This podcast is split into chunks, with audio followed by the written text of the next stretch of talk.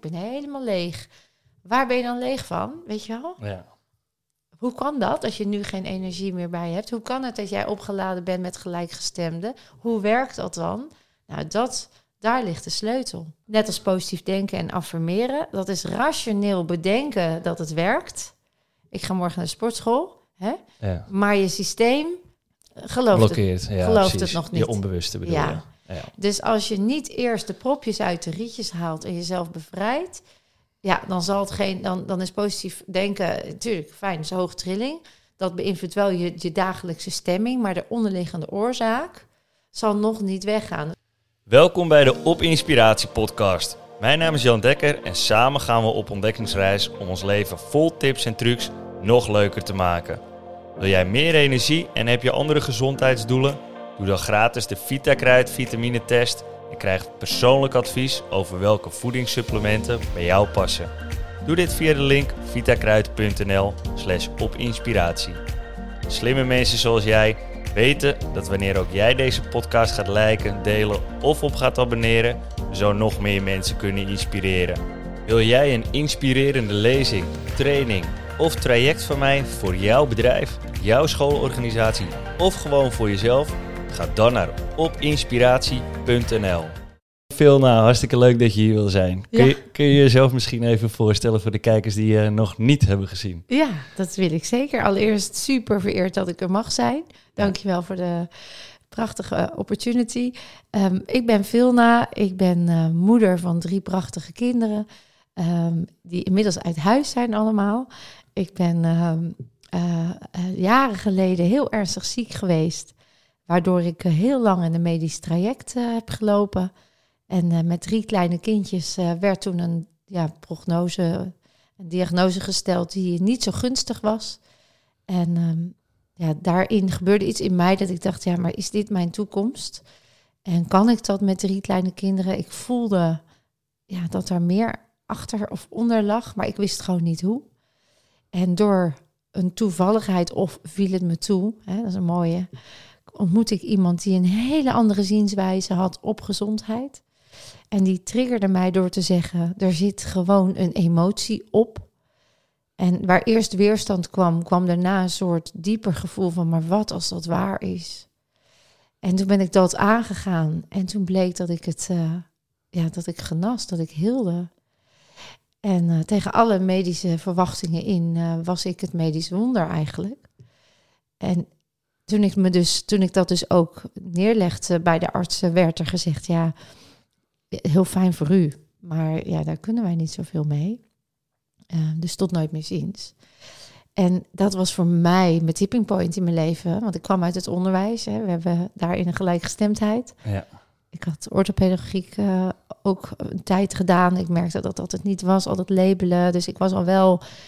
eh, ik had een mooi lespakket geschreven over alles behalve analytische intelligentie. Ik wilde ook juist dat geluk en die gezondheid en die sociaal-emotionele ontwikkeling. Daar, daar, dat miste ik ontzettend. Hè. Dus ik was altijd al bezig met het wel en wee en hoe werkt het en hoe werkt het brein en hoe werkt een mens. En, maar emoties, ik had vooral emotionele intelligentie en fysieke intelligentie en spirituele intelligentie, die intelligentievormen, meervoudige intelligenties. Maar nog nooit wat een emotie nou precies was en hoe dat werkt in je lichaam. Dat had ik ook niet geleerd, ook niet op orthopedagogiek. Nee. En daar, die ontdekking kwam door mijn eigen ziekte. En toen wist ik, oké, als, als, als de artsen het niet doen, dan ga ik mijn eigen school beginnen voor het emotionele domein. En hoe je dus daarmee jezelf kunt gaan beïnvloeden. Nou, en dat is een hele vindtocht geworden van 20 jaar studie en ervaring en kennis. En al middels al wel begonnen met, met eh, ja, mooie trainingen geven erover. Ehm, maar uiteindelijk geleid tot een eigen methode. Dus zo, eh, en daarnaast hou ik van sporten.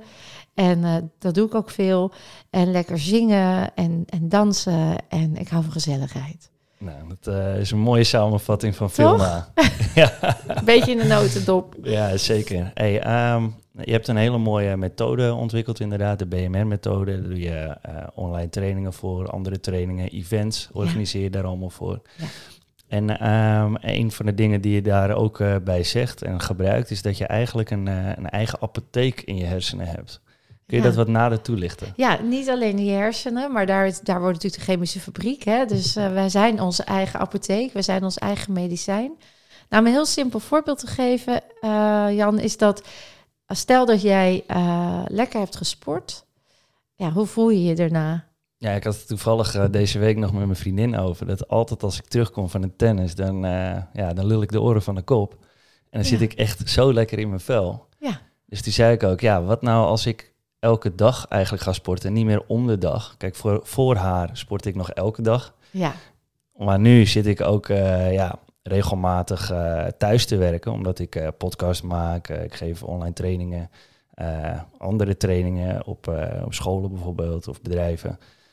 Maar ja, dan ben En ik niet aan het sporten. gezin, ja, ik heb, kindje. ja, maar dan Ja. mis ik dat stukje sport toch nog op die dagen, weet je wel. Ja. En nu heb ik toevallig dan, eh, dat zei ik net tegen je, bij eh, sportschool een eh, samenwerking ben ik Ja. aangegaan. Zodat ik daar op die andere dagen terecht kan om daar even wat sportoefeningen te doen. Omdat Ja. ik me daar nog beter ga voelen. Ja, there you go. Dus we hebben allemaal manieren waardoor we onze trilling en onze energie en onze neurochemische reacties kunnen beïnvloeden. En een van de dingen, en met, met name als je het via het lichaam doet, gaat het heel snel. Maar ik noem het altijd gekscherend het 7S'en-model. Elk woord dat begint met een S eh, in die zeven S'en dan, die helpen je. Dus dat is eh, smiling, nou, seks, Zo'n boeken. ja. en chocola. Hè? Nee, maar dus, eh, dat natuurlijk. En dan de, de, de dingen die dus natuurlijk wel goed voor je Ja, zijn. snap ik, snap ik. Maar ehm, inderdaad, shoppen. Zo kunnen we nog een paar. Maar swinging, singing, eh, silence, hè, stilte. Ehm, eh, nou ja, we kunnen ze even afgaan als je wil. Maar zo, zo, als je dat al doet, dan merk je al dat je je beter voelt. En dan kun je dat gewoon... Je kan iedere dag iets uitkiezen. Hè? Eh, Ga eens voor de grap de hele dag met je mondhoeken omhoog lopen. En kijk eens hoe je dan voelt aan het einde van de dag. En dan niet verkrampt, zodat je pijn in je kaak krijgt. ja. Maar ga eens ervaren. Hè? En ga eens oprecht eh, wat vaker dansen. Gewoon lekker swingen. Ja. Eh, Met houding heb je dat toch ook als mensen rechterop gaan staan? ja, die peak Eh, state. ja. ja. Ja. dan noemen ze een peak state. Dus dan zet je schouders naar achter, je borst vooruit, je kin een beetje op. En dan je billen een beetje naar achter, knieën licht gebogen, beide voeten in de grond, bal je vuisten, ja. mondhoek omhoog. En ga zo eens twee minuten staan. Nou, dan is er al aangetoond dat het in het brein al veranderd is. bijzonder. Gaaf toch? Ja, Super mooi, want we hebben dus alles in huis. ja. En dat vind ik zo gaaf. Ja, en ehm, nou ja, je, schreef, eh, je omschreef net eigenlijk eh, dat iemand tegen jou zei, er zit een emotie op. Hè? Het klonk voor jou in die tijd heel zweverig. En, eh, Ja.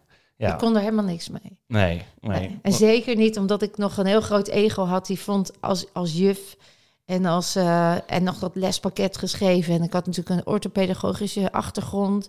Dat ik, dat ik, ik, en ik was ook nog in al die jaren dat ik zo ziek was geweest. Was ik zo positief gebleven en zo optimistisch. Dus ik dacht, ik kan prima met mijn emoties omgaan. Hè? Ik, heb, ik ben een stabiel mens.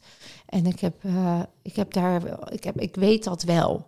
Ja. Dat was één. En twee was het, ik had natuurlijk tot dan toe geleerd. Ik was opgevoed met het idee dat als je ergens last van had. Nu zeg ik, mijn lichaam heeft last van mij. Maar toen had ik nog last van mijn lichaam. Dat je dan buiten jezelf de oplossing zoekt. Dus ik ging naar een arts. Die zou voor mij wel weten wat er aan de hand was. En dan krijg je een pil of een operatie. En dan, nou, dan zou het wel weer goed komen. Het is een heel mechanisch eh, systeem waar ik in opgevoed was. Dus emoties, ik had helemaal geen idee dat die opgeslagen werden in je lichaam. En hoe weten we dat? Dat dat Nou ja, de- wat we nu dus weten is dat de, de fysica, hè, zoals het Newton, het Newton dat zei, die zei van ja, we zijn gewoon allemaal cellen en daarin zitten moleculen en atomen en eh, daarin ligt dan DNA en, en nou ja, dat, dat kwam dan later nog tot ontdekking en dat bepaalt hè, hoe de DNA gevormd is. Dat is dus je blueprint, dat is wie bepaalt hoe je, wie je bent en wat voor ziekte je krijgt. Toen later ontdekten ze bij één-eiige tweelingen met hetzelfde DNA dat hoe kan het dat de een wel het dikmaakgen aanzet en de ander niet, terwijl genetisch volgens je DNA zou dat niet moeten kunnen. En al die mensen wereldwijd, los van elkaar, hadden allemaal eenzelfde uh, resultaat daarop. Is dat er dus een trauma aan ten grondslag had gelegen. Waardoor de, al, de epigenetica, die al zei van... hé, hey, is het wel waar dat ons DNA bepalend is? Of is er iets van buitenaf wat ons DNA kan beïnvloeden? Dus dat was al baanbrekend. En vervolgens de kwantumfysica, dus niet de fysica, natuurwetenschap, maar de kwantumfysica, die ging nog een stukje verder in die subatomaire deeltjes kijken. En dat kon met de technologie toen. En die ontdekte dat onze cellen voor 99,99% bestaan uit leegte. En die leegte is energie. En energie is informatie met een trilling. En wat blijkt, een emotie betekent, is van emovere. En dat betekent letterlijk energie in beweging.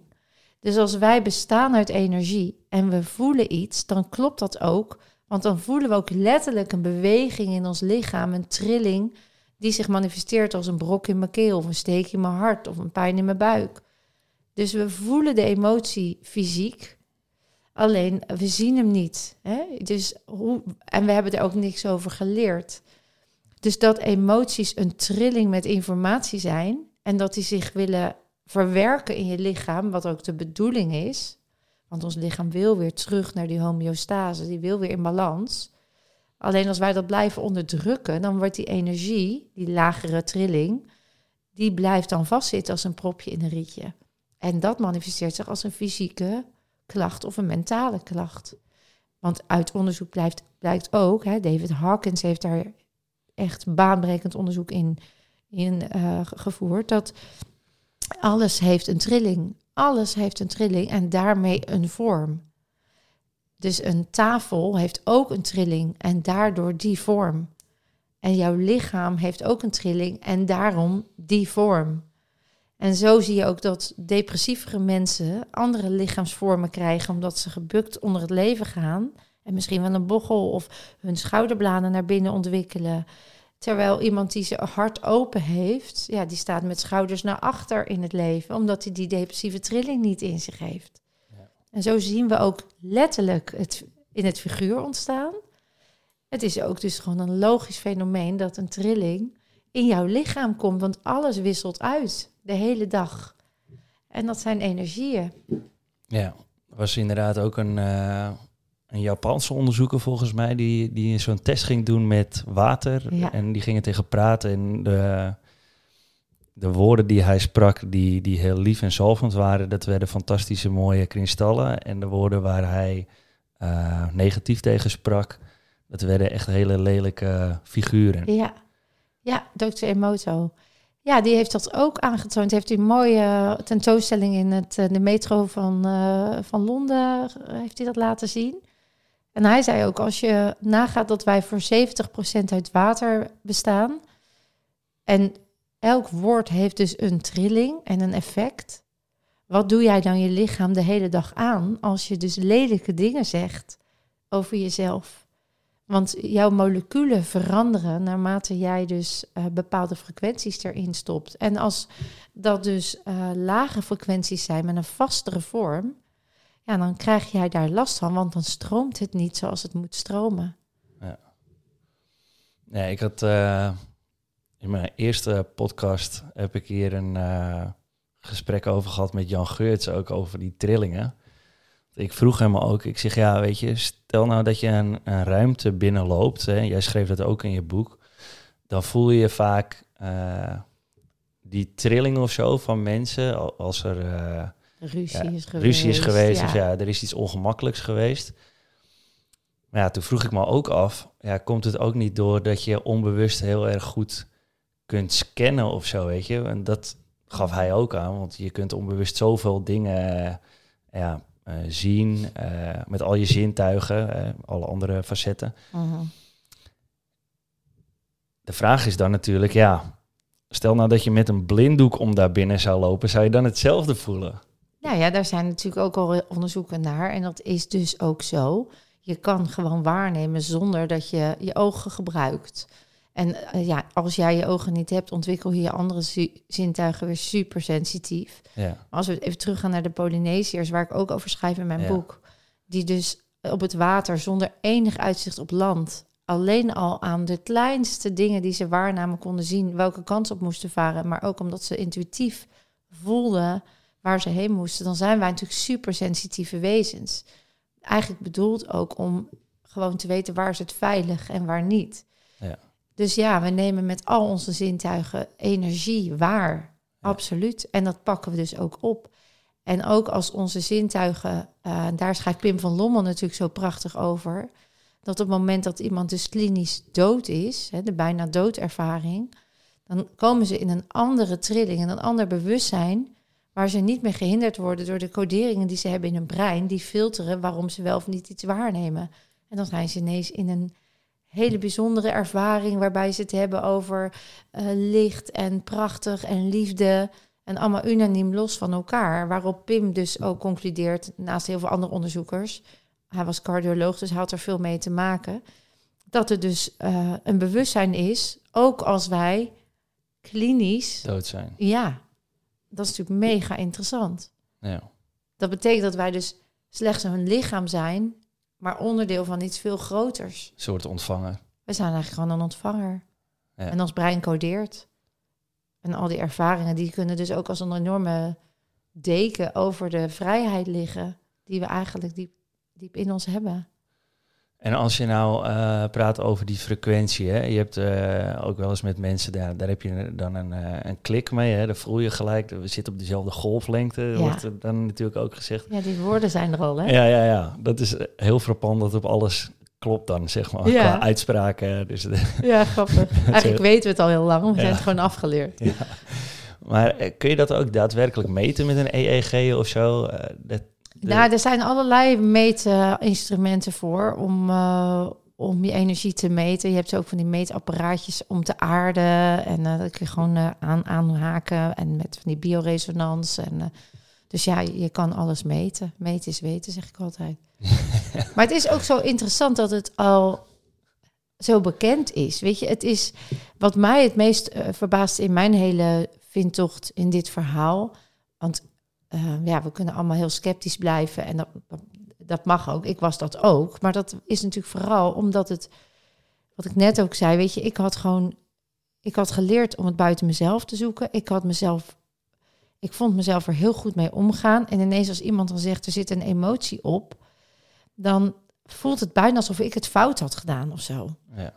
Dus ik werd heel erg ehm, in mijn ego geraakt. Ja.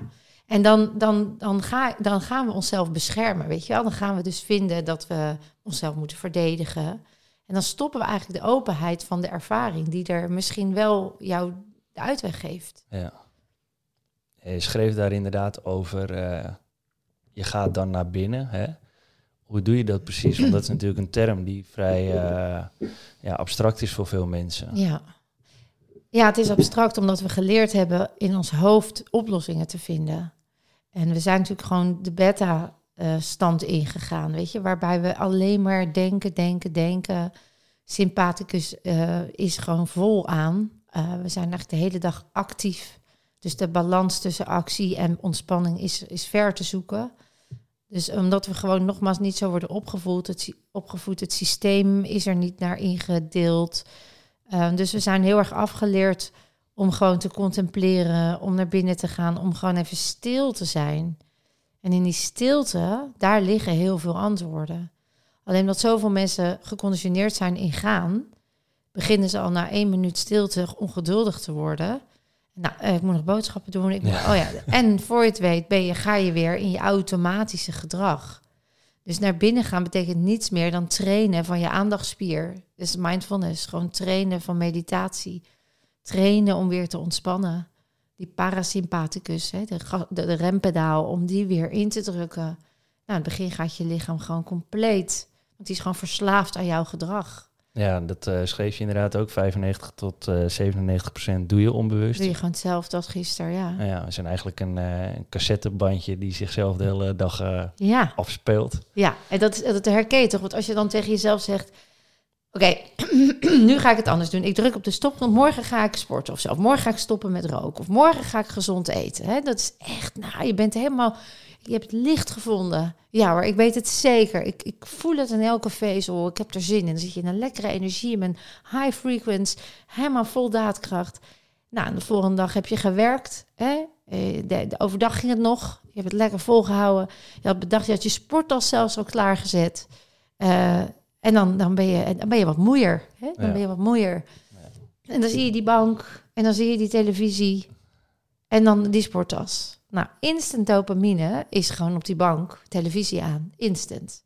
Sporten, dan moet je wat langer, dan moet je meer je best voor doen. Om datzelfde gevoel te krijgen. Dus de kans dat je dan kiest voor wat je altijd deed, Ja, is gewoon heel groot. ja. Echt dat zoogdierenbrein eh tussen kies tussen pijn en plezier. Ja, absoluut. Heel snel. Heel snel, korte termijn. Ja, En dan, ja, dat heeft allemaal te maken met onze, onze imprints. Weet je, we zijn gewoon echt helemaal geconditioneerd in je bent succesvol als je presteert. Als je veel hebt, dan heb je status. Dan voldoe je. Dan heb je bestaansrecht. Dus we zijn bijna een soort slaafs geraakt aan onze eigen status fulfillment of zo. Weet Ja. je, we moeten dat dus, dan anders voldoe ik niet in Ja. de maatschappij. En daar lopen we als een soort schaapjes achteraan. ja ik had het er gisteren eh, toevallig over met een, eh, een oude vriend van me die ik tegenkwam in, eh, in het winkelcentrum. En hij had lekker een, nou ja, een papadag, om het zo maar even te Ja. noemen. Hè. mamadag, mamadag noemen we niet zo, maar papadag. Papa, dat, dat is ook weer wel Ja, bijzonder. dat is ook bijzonder, ja. Maar goed, hij was lekker met zijn kind op stap.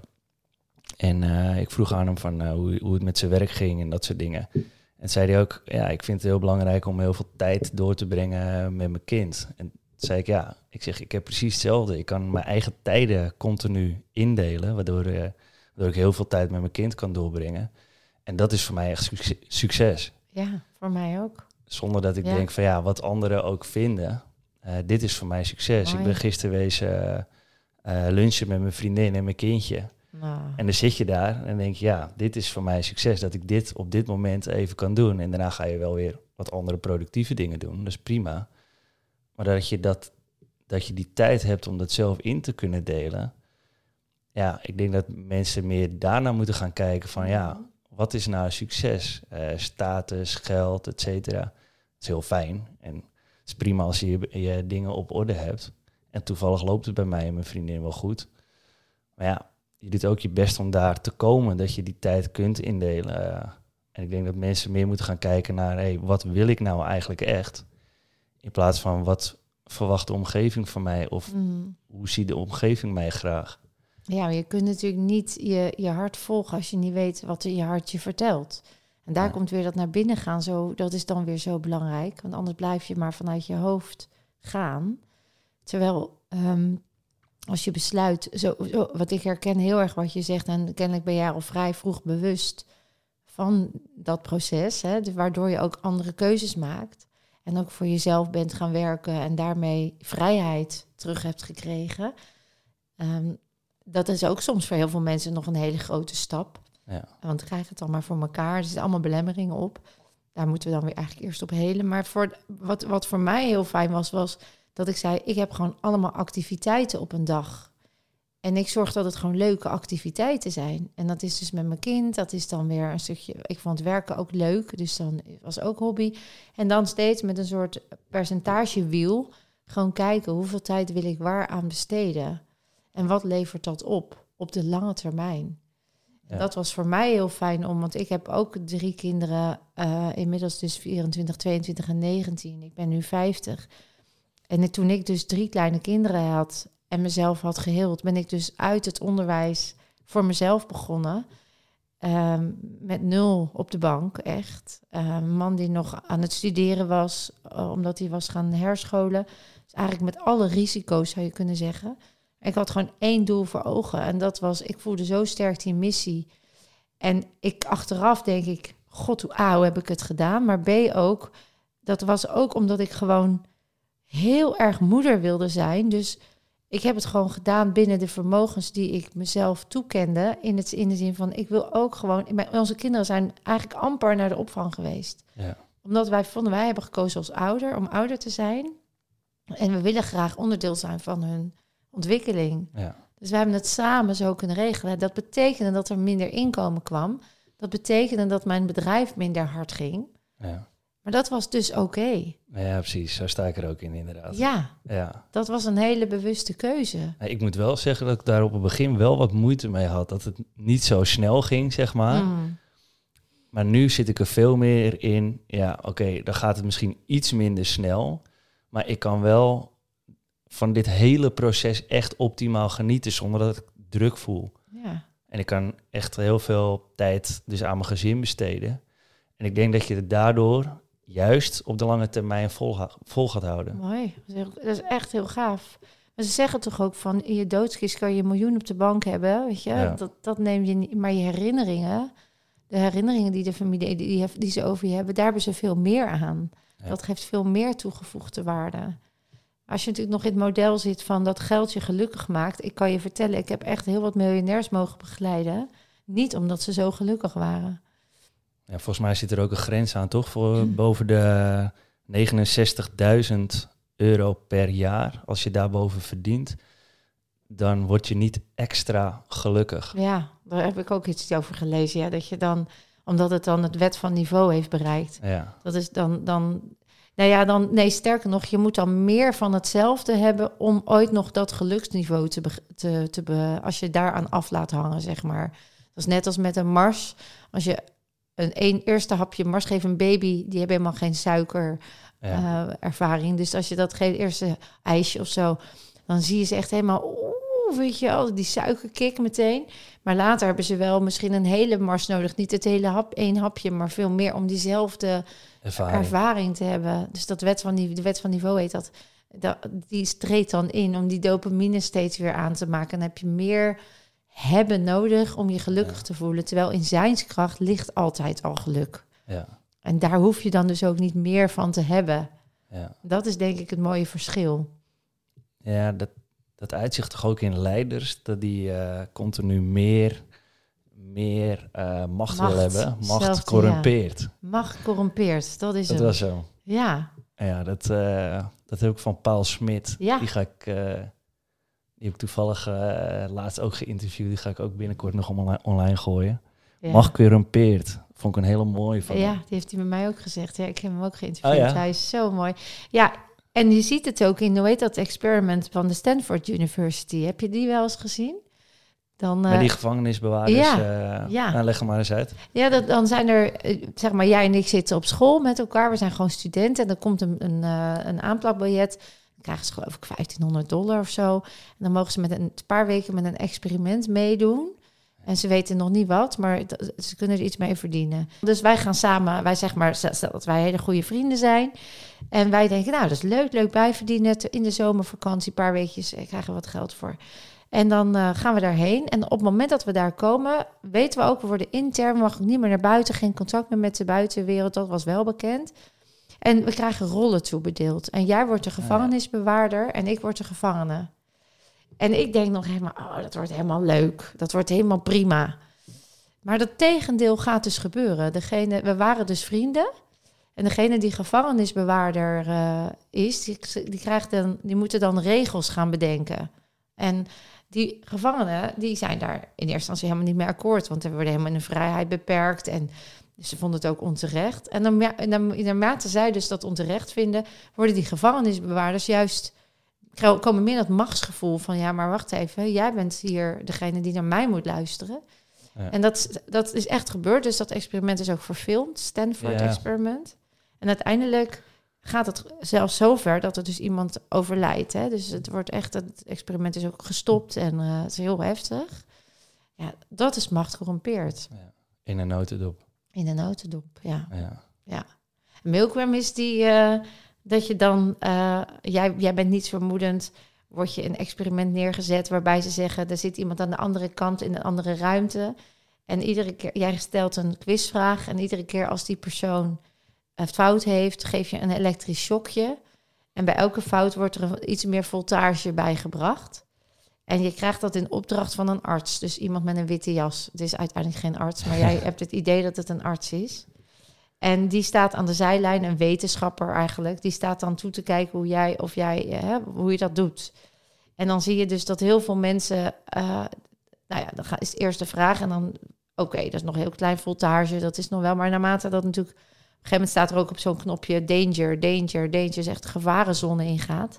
Dan is het natuurlijk het moment van, ga jij nog de ander pijn doen of stop jij daar? En wat blijkt dus dat heel veel mensen dan dus doorgaan, puur omdat een autoriteit, in dit geval een arts, aan wie ze hun vertrouwen dan volledig weggeven, dat is dat, dat oude systeem. Ja, dan, dan, dan, dan knikt die man van, het is goed, hè? het is goed. En dan doen ze het toch. Ook als ze aan de andere kant horen dat iemand onwijze pijn heeft en schreeuwt en doet. Toch doen ze dat. Dus ten koste van zichzelf en hun eigen gevoel luisteren ze dan naar de autoriteit. Ja. Worden we een soort slaafs. Omdat ze minder bewust zijn dus. Ja, en niet durven er niet bij te horen. Ze denken dat ze bijdragen aan een experiment. Ja. Dus het is allemaal mindfuck eigenlijk. Ja. En ze willen het graag goed doen. Dus nou ja, allemaal dat soort argumenten zitten daarachter. Ja, ja dat komt ook uit onze kindertijd, hè? dat we het graag goed willen doen. De hele tijd. Omdat je, eh, als je mooie tekeningen hebt, uh, dan pas zijn de mensen blij. Ja. ja. Dus je moet iets gedaan hebben, iets productiefs, nu ook nog in ons leven. En dan pas voel je je goed. Ja, en je wordt dus ook beloond op prestatie. Ja. En, en niet beloond, want dan komt de rode streep, de rode pen erbij. Op wat je nog niet kan. Ja. Daar word je op afgewezen. Dus je, beter wil je een sticker, want dat voelt beter. Ja. Ja. Ja, en die kindertijd is ook heel belangrijk, uh, schreef je. de eerste zeven jaar leven we op een uh, bepaalde frequentie. Nou, dat varieert wel eens tussen de theta, alpha staat, soms met slapen, de, de, ja. de delta staat. Ja. Um, kun je uitleggen hoe belangrijk die eerste zeven jaren voor ons zijn en waarom dat de reden is dat we eigenlijk een soort van uh, cassettebandje zijn die in een tape recorder zit. Ja, waarbij je kan zeggen stop, maar dat werkt dus niet. want dan, um, nou ja, wat, wat, dat is een neurologische. Uh, ja, daar hebben ze gewoon gezien, ook neurologisch, dat we in die eerste zeven jaar zitten we dus nog in die lekkere alfa staat, waarbij ons brein in de optimale vorm voor leren is. Dus alfa is ook aangetoond, is de beste uh, staat om te leren en te onthouden. Want je bent ontvankelijk voor, je voor de suggestie en je bent scherp in concentratie. Dus daarom is meditatie weer voorwaarde hè, om goed te kunnen leren. Nou, en um, de eerste zeven jaar, wij zijn het enige zoogdier op aarde wat 26 jaar nodig heeft om uit te ontwikkelen. Wij komen eigenlijk zo onwijs onaf ter wereld. Dus de wijsheid van de, van de natuur heeft bepaald dat wij dan de eerste zeven jaar gewoon lekker aanstaan en er niet zoveel voor hoeven te doen om zoveel mogelijk tot ons te laten komen. En bij elke keer dat dat gebeurt, komt er in ons brein een, een, een wiring. Dus dan, if they fire if together, they wire together. Dan komen twee zenuwcellen, twee neuronen, die vinden elkaar, die maken een neuronenpad. En dat neuronenpad, dat wordt dan jouw gedrag dat wordt jouw geloofsovertuiging. En hoe vaker je dat herhaalt, hoe dieper dat inslijt, hoe automatischer je dat doet. Dus heb je leren fietsen, leren kruipen, leren rekenen. En op een gegeven moment voer je dat dus automatisch uit. Als ik nu tegen jou zeg drie keer drie, dan hoef jij niet na te denken over het antwoord. Hoop ik. dus dat is er wel ingesleten, zou je kunnen zeggen. Nou, als daar natuurlijk ook in automatische stand zit. Ik ben lelijk, ik ben niet goed genoeg, ik ben slecht. Ik ben, ik, dan, dan zijn dat lage trillingen die verstoren de balans. Maar waar, omdat jij niet meer weet dat dat erin is geslopen, identificeer jij je met zo'n karakter. En dan zeg je, ik ben zo. En na zeven jaar heb je nog wel een belangrijke peer group fase, waarbij je meer naar buiten treedt op school. Dus dan heb je meer met je peergroep te maken. Dus dan krijg je invloeden van buitenaf, die ook nog eens verder dieper inslijten. En dan hebben we dus, en dan dat is echt ontluikende wie ben ik fase, zeg maar.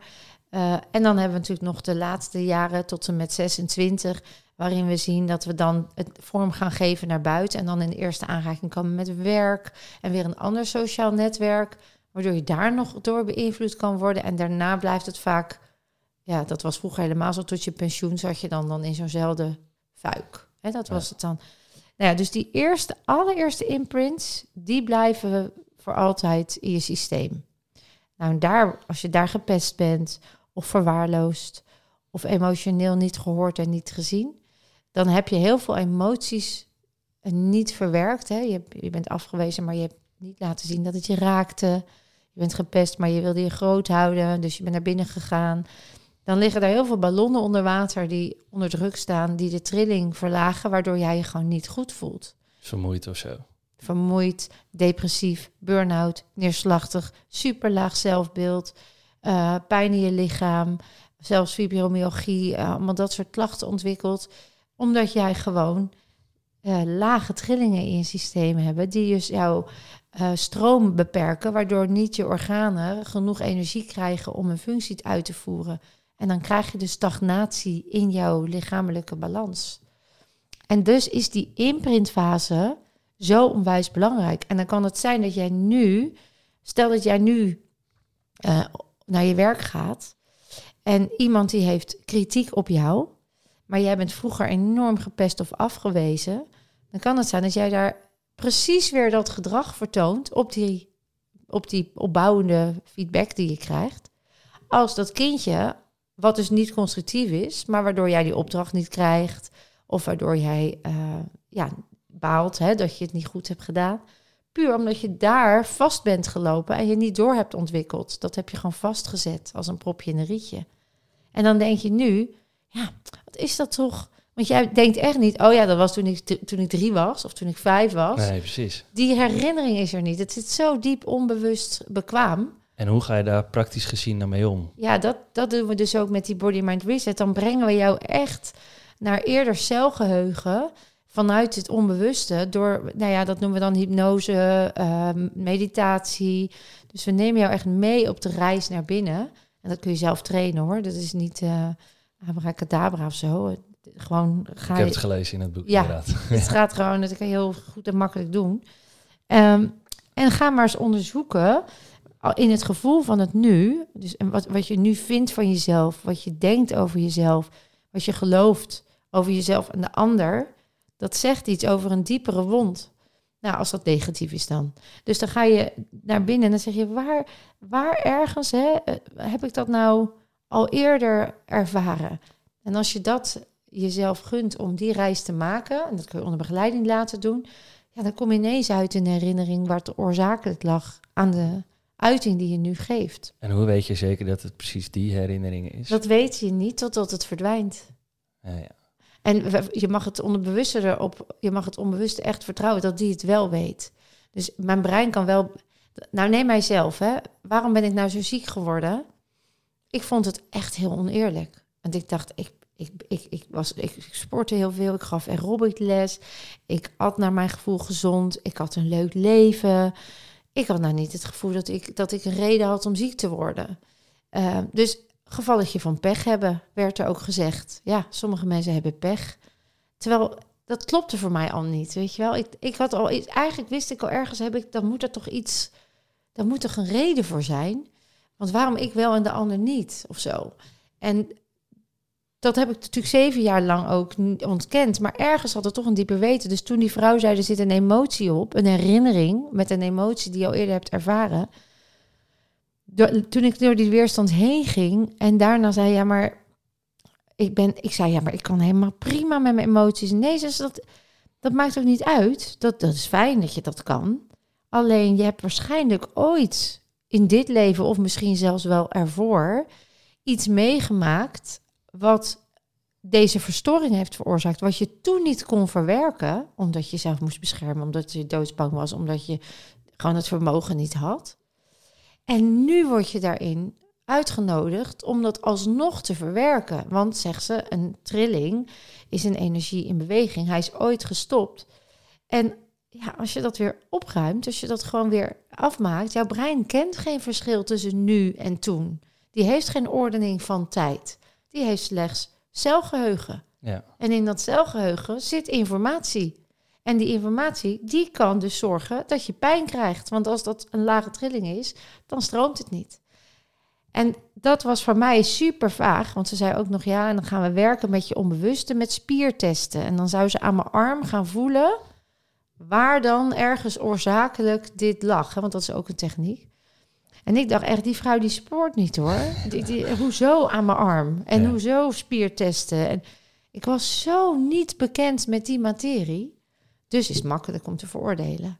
En toch, toch wil... En ze had ook nog gezegd, ja, maar ik werk ook helemaal niet met mensen die... eh, eh, die eh, met die fysieke klachten hebben. Maar ze had wel het boek gelezen van Brandon Bees, De Helende Reis. Dat was toen net uit. En die vrouw had zich van kanker genezen door de emotie erop te ruimen. En ze zei, ja, kunnen we toch gewoon even kijken, zei ze. Want ze werkt al wel, ze had wel een praktijkje. Maar ze deed dan vooral eh, op mentale klachten. En ik ben toch gegaan. Ik ben wel gegaan. En toen ben ik dus naar binnen gegaan. En mede met die spiertesten. Hè, dan breng, ik- dat doen wij nu ook. Dus inmiddels vind ik het helemaal te gek. Maar toen dacht ik serieus. Je drukt gewoon harder. Eh, Grappig. Ik zat zo in mijn hoofd. En, ehm, maar toch, omdat het onbewuste gewoon sneller gaat dan mijn, dan mijn gedachten. Kwamen we dus daar. En stond ik ervoor open. En ging ik mee. En, en kwam ik inderdaad bij een herinnering waar ik echt gewoon...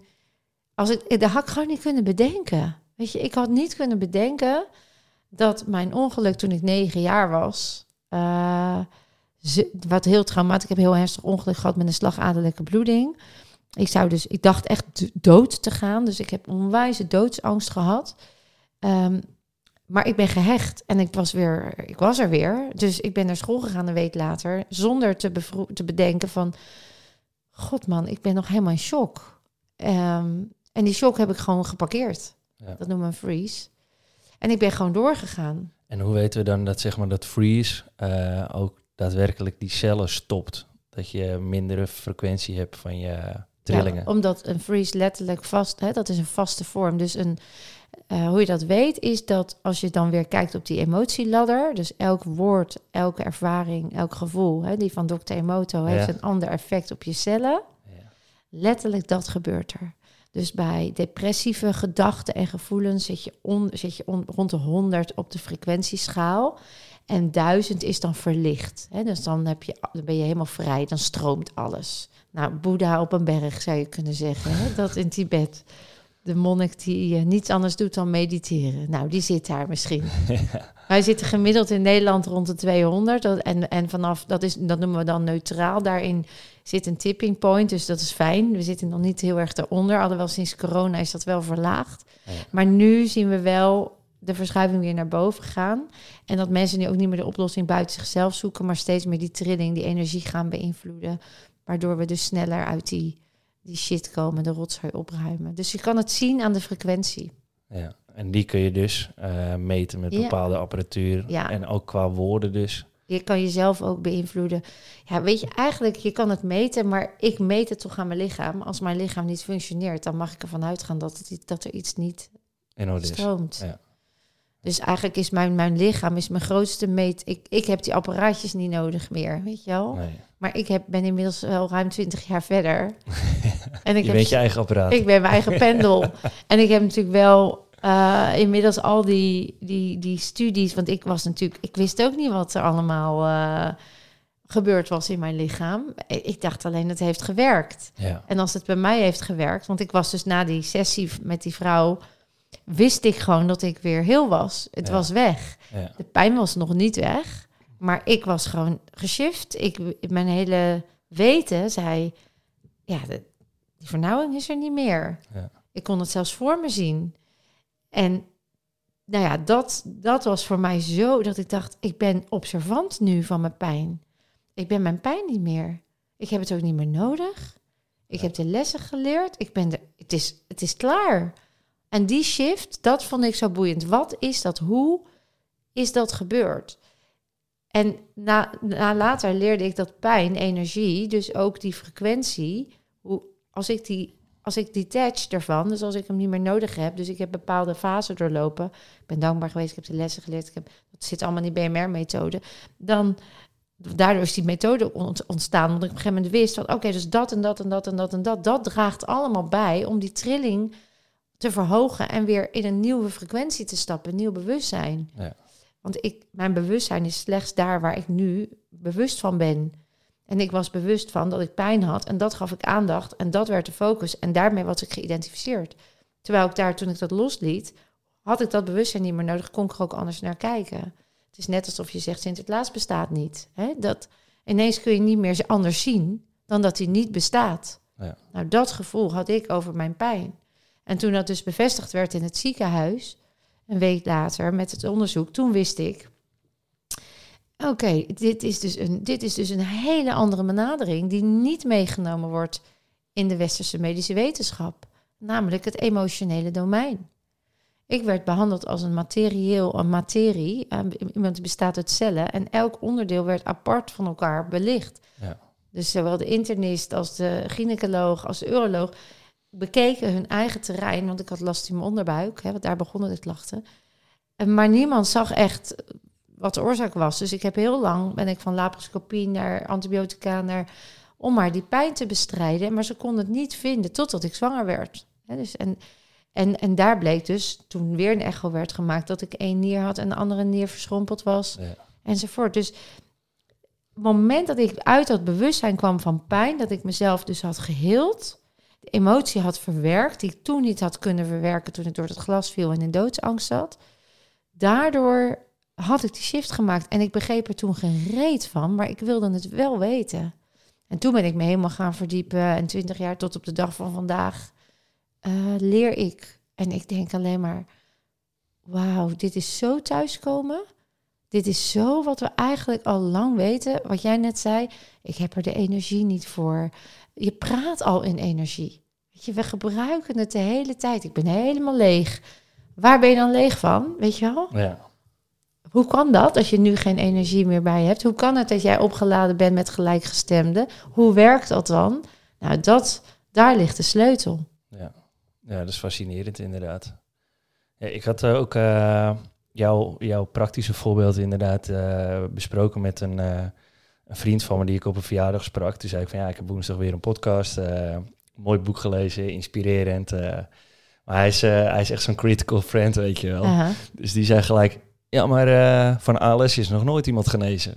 Van? ALS. Dat is ook niet waar, dat dat niet zo is. Hoe weet hij dat? Heeft hij dat onderzocht? Ja, het staat op internet, maar ja, de, welke bronnen je gebruikt is natuurlijk altijd... Dat is interessant. Interessant. En uh, wat kan, kijk, uh, ik zeg alles is te helen. Maar ik ga niet over leven of dood. En ik ga ook niet bepalen dat jij heelt. Ja. Of jij heelt, is met waar geloof je in over jezelf? Dus dat is al interessant. Geloof jij dat? Dat is wel even goed dat je dat zegt. Want dat, die vraag krijg ik ook heel veel ja, misschien dat dat werkt bij dat of dat, maar als, ik, als je kanker hebt of dat of dat, ja, dan. Uh... En het enige wat belemmerend werkt in dat stuk zijn je eigen geloofsovertuigingen daarover. En die komen weer voort uit die imprint die we natuurlijk jarenlang hebben gehad. Dat als je griepje hebt, nou ga het. Ja, ga lekker op bed liggen. Binnen een paar dagen ben je er weer bovenop.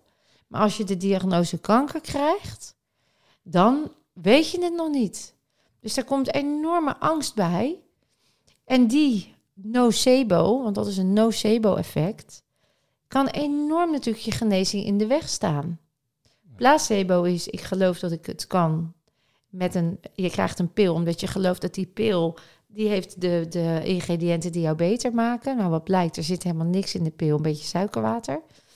En, um, en dan, dan genees je ook. Hè? Dus die pil die heeft dat effect. 75% van de gevallen heeft daar baat bij. En Nep, nepoperaties zijn er toch ook gedaan? Zijn er ook, heb ik ook over mijn boek geschreven. Bizar. Die rugoperatie en dan zeggen, ja, ik heb geopereerd, maar had hij niet. Ja. Die arts. En dat hij, ah, is echt zo, ik voel me zo goed. Mijn rug is helemaal... Uh... dus wat wij geloven is bepalend voor het resultaat. Voor 75 procent.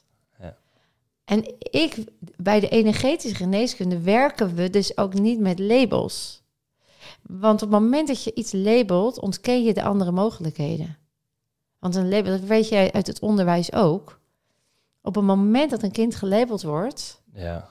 Ja, is het self-fulfilling prophecy. Daarom uh, ben ik nooit eigenlijk bij, uh, bij overdrachten van klas 3 naar klas 4 voor mentoren. Of ik ben er wel en dan, wil ik, dan zeg ik, ik wil alleen de medische toestand weten. Maar ik wil niet weten of jij een kind druk vindt of jij een kind vervelend vindt. Exact hetzelfde deed ik. Maar bij mij komen ze binnen als een, uh, een tabula rasa, een onbeschreven blad. Eigenlijk zou je het nog niet eens... Ja, als de medische informatie bepalend is als ze allergisch zijn voor pinda's of zo. En daar kan jij natuurlijk verder niets Ja, of mee. epilepsie, weet je wel. Dat, dat, dat soort dingen bedoel Ja, ik. voor mij in mijn vak zou dat... Hè, maar nee, eens. Ik zat daar precies zo in. Ik dacht, ja, want als ik al die informatie krijg... ga ik dat kind al zo behandelen. Ja. Oneerlijk. Ja. En eh, daar is ook een onderzoek naar gedaan... naar bijvoorbeeld Marokkanen, de Marokkaanse jongeren... En die zeggen dus ook al, ja, ik gedraag me al wel zo, want ik word, dat wordt toch al van me verwacht, dus dat ik crimineel gedrag vertoon. Dus ja, dan doe ik dat. Hè? Dus alsof je door de beeldvorming en het idee wat je erover hebt, ook jezelf constant bekrachtigt. Ja, ik heb daar inderdaad nog een mooi voorbeeld over in, eh, in het onderwijs. Ik heb zelf op een MAVO, HAVO, VWO-school gezeten. Toen ik op de middelbare school zat. En ik zat toen in een VWO-klas. En er waren allemaal eh, stille, rustige kinderen waren daar aanwezig. Nou, er waren een paar, paar gasten die van sport hielden. Wij waren dan iets drukker. Maar de rest van de klas over het algemeen, alle ateneumklassen, vrij rustig. De MAVO-klas, ja, dat zagen wij als tuig. Ja. Maar het gekke is, ik geef nu twee dagen les op een VMBO-school.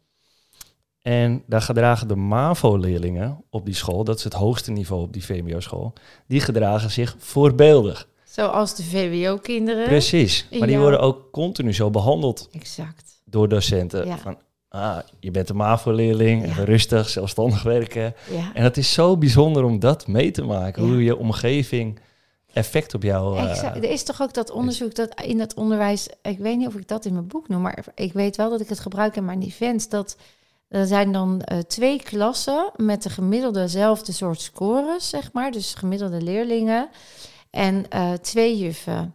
En allebei krijgen ze dus een klas. En dan tegen de ene juf zeggen ze van, eh, deze klas is zo intelligent. Ja. Heeft zoveel potentie. En tegen de andere juf zeggen ze van, nou ja, dit zijn echt de hopeloze kwesties, weet je. Dat is echt Ja. geen land mee te bezeilen. En dan monitoren ze dus ook de benadering, de attitude van de juf naar de kinderen, maar ook dus de resultaten van de kinderen. En dan zie je dus precies wat jij zegt. Op het Ja. moment dat jij op een manier al iemand naar benadert van, nou ja, weet je, het wordt toch niks met jou. Hè? Wees maar, ga maar wat met je handen doen. Wees maar blij dat je een beetje nog... Ja, dat, is eigenlijk best wel heftig als je dat realiseert. Dat is het Pygmalion-effect, die gebruik ik toevallig in mijn training. Oh, echt? Ja. Nou, dat effect. Oh ja, Pygmalion-effect, dat is het. Nou, dat is toch intens? Ja, En dan hebben we het Milgram-experiment met, met de autoriteit. Die, als een autoriteit het zegt, dan ga je dat dus uitvoeren. Dus dan een leraar of een arts die jou dus zegt hoe de waarheid is, volgens slechts een idee, hè? ja. Wauw, hoe sterk beïnvloedt dat wel niet jouw toekomst? Maar vooral, hoe bewust neem jij waar? Wat neem jij voor waar aan? Ja. En, en dat zien we ook heel duidelijk in, die, eh, in de coronaperiode. Want als het dus angst aanjaagt, dan schieten we in ons reptiele brein. En dan kunnen we ook niet meer erbovenuit hangen, zeg maar. Plus een autoriteit. Dus en een nocebo-effect en een autoriteit die dan ons allemaal in hypnose krijgt. En vervolgens mensen echt de meest bizarre dingen gingen doen. En ook nog dachten dat ze iets goeds deden. Het was de Milgram-experiment ten top gewoon. Ja. ja, dat vind ik dan echt interessant om naar te kijken. Ja, je schreef ook dat eh, al jouw lichamelijke klachten die zijn gekoppeld aan emoties. Ja, En dat je dat ook eh, eh, neurowetenschappelijk kunt terugvoeren. Bijvoorbeeld, eh, ik heb toevallig sinds november, december heb ik last van mijn onder, onderrug. Daarbij ben ik bij een, een manuele oh, manueel therapeut. therapeut. Ja, fysio is ze ook. ja. En die vroeg toen ook al in die tijd van, ja, heb je het druk? Mhm. En in die, Mooi. en in die tijd ja, was mijn vriendin ja, heel erg misselijk van de zwangerschap. Ik moest alles voor mijn andere kindje doen, s'nachts, eh overdag. Ik was een studie was ik tussendoor aan het doen. Ook nog even. Hup. Ja, dit eh, erbij. Lesgeven, ja, weet je, ik, eh, ik had mijn handen vol. Je Dus, droeg eh, alle lasten. Ja, het, het werd even te zwaar op mijn rug. Alleen waar ik dan naartoe wil, is dan ga ik dus naar de fysio. Eh, je probeert het voor jezelf een beetje eh, recht te praten weer. Van nou als ik een beetje positief denk, ja, moet ik dan wel naar de fysio, want dan ga ik het ook weer extra aandacht geven. Hmm. Dus dat is voor mij dan een beetje een dilemma waar ik in zit. Hoe, hoe kijk jij daarnaar? Ja, mooi dat je dat vertelt. Nou, dit, dit, dit voor mij is natuurlijk, als ik vanuit het oogpunt vanuit de energetische geneeskunde en de lichaamsbenadering kijk, dan, dan, je zegt het zelf al, hè, je moest ook even alle lasten dragen. Ja. En hoe zwaarder het wordt, hoe dieper het in de onderrug zit. En dat gaf ook het gevoel dat je controle kwijt was. En dat was nou precies waar jij je veilig bij voelt. Hè? Als jij controle hebt eh, en, en in controle bent, dan heb je bestaansrecht. Dan, dan ben je goed genoeg, dan voldoe je. En die imprint die zit in die onderrug, die zit in je onderbuik. Eh, en dat is het thema basisveiligheid en bestaansrecht. Dus als daar een eh, systeem ontwricht raakt of eh, uit balans, dan kun je dus kijken waardoor voel ik me veilig, wat zijn de voorwaarden, wanneer ik me dus veilig voel en krachtig. En wat als die voorwaarden wegvallen, wie ben ik dan nog? Nou, daar ligt jouw groei, want dan kun je controle gaan loslaten en veel meer uit je hoofd, in je lijf gaan leven vanuit je hart. Nou, dat proces zit jij natuurlijk vol in. En eh, dan is jouw vraag van ja, moet ik dan nog naar een visio hè? Of, of, of mag ik dat proces gunnen? Alles wat je nog, nog niet zelf kan, omdat het nog in training is, is natuurlijk prima om nog ondertussen ook hulp van buitenaf.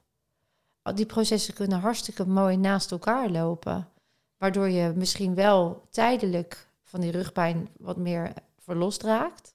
En ondertussen doe je die zelfreflectie, waardoor je weet, ja, is dit inderdaad voor mij wel nu de beste weg? Is het voor mijn lichaam wel het meest gezond? Uh, en jouw lichaam vertelt jou, die werkt met jou samen. Als jij zenuwachtig bent, gaat je hart sneller kloppen. Dus je lichaam praat met jou, die reageert op jou. Maar luister jij daarnaar? Heb je het in de gaten dat je hart sneller klopt? Hè? De, en uh, krijg je jezelf dan weer rustig. En zo heb je natuurlijk een interactiemodel met je lichaam. Als je angstig bent, de uitdrukkingen zijn er ook. Dan schijt ik zeven kleuren. Dan moet Ja. je vaker plassen. Want dan ben je niet meer zo veilig. Dat is echt dat gebied. Nou, en dat zijn allemaal, eh, als jij zegt van hoe doe ik dat? Stap voor stap. En, en in alle aanvaarding met wat het is. En beginnen met de taal, oké, ik heb niet last van mijn rug. Nee, mijn rug heeft last van mij. Mijn rug wil mij iets vertellen. Ik weet nog niet wat. Ik heb er nog geen, niet zoveel oefening in. Ik heb het nog niet zo vaak gedaan. Nou, zo jouw leerling in de klas ook. Dus ik ga dat gewoon eens elke keer als ik het eventjes vijf minuten op bed lig... of ik heb even een momentje niks... ga kijken of ik contact kan maken met mijn rug. Ja. En eens voelen. En eens ervaren welke gedachte komt er in me op. En als het dan nog niet lukt, niet balen, dan zeg je van oké, morgen heb ik weer een moment. Totdat je steeds meer jezelf, hè, dus heel erg die aanvaarding dat het is wat het is. En dat je binnen je vermogen doet wat je kan. Want anders wordt het weer een gevecht. Dan ga je weer in de kramp. Dan moet het gisteren weg. Dan moet je het gisteren kunnen. Dat is nou net wat je in het onderwijs je leerlingen afleert. Ja. Dus dat geldt ook voor jou. Nee, ik heb inderdaad die methode wel een keer toegepast toen ik enorme buikpijn had en eh terugreed van, eh, van het eten van mijn schoonouders. En dat lag niet aan het eten. Kijk, ik had wijze buikpijn en inderdaad, toen dacht ik, eh, ik ga er even met aandacht naartoe. Want ik Mooi. was heel erg aan het vechten tegen die pijn. Toen ging ik inderdaad gewoon even naar die pijn toe. Van nou, oké, het is er, het mag er zijn, het is prima zo. En toen, ja, echt in, Ja. in, in een flits is werd het zo verlicht, Het zeg zacht, maar. ja. Het, zat, het zat er nog wel, maar het werd veel en veel zachter gewoon. Ja. Dus die aandacht, dat is, want dat vroeg je ook, hè? Ja. Van wanneer geef je het nou, wat alles wat je aandacht geeft groeit, die zit Ja. dan een beetje in de weg. Ja, Wat ik altijd zeg is herkennen, erkennen en loslaten, er naar handelen. Dus je herkent de pijn, je voelt even, want het is dus een emotie die vast ligt. Die, een emotie duurt slechts 20 tot 90 seconden. Als je die eenmaal toelaat, dan kan de pijn verdwijnen. Dus het is niet de aandacht aan de pijn, maar het is de aandacht aan de emotie eronder die je, die je geeft. Dus wat wil die pijn mij vertellen? Ja. Wat ligt eronder? Nou, misschien wel woede of onveiligheid.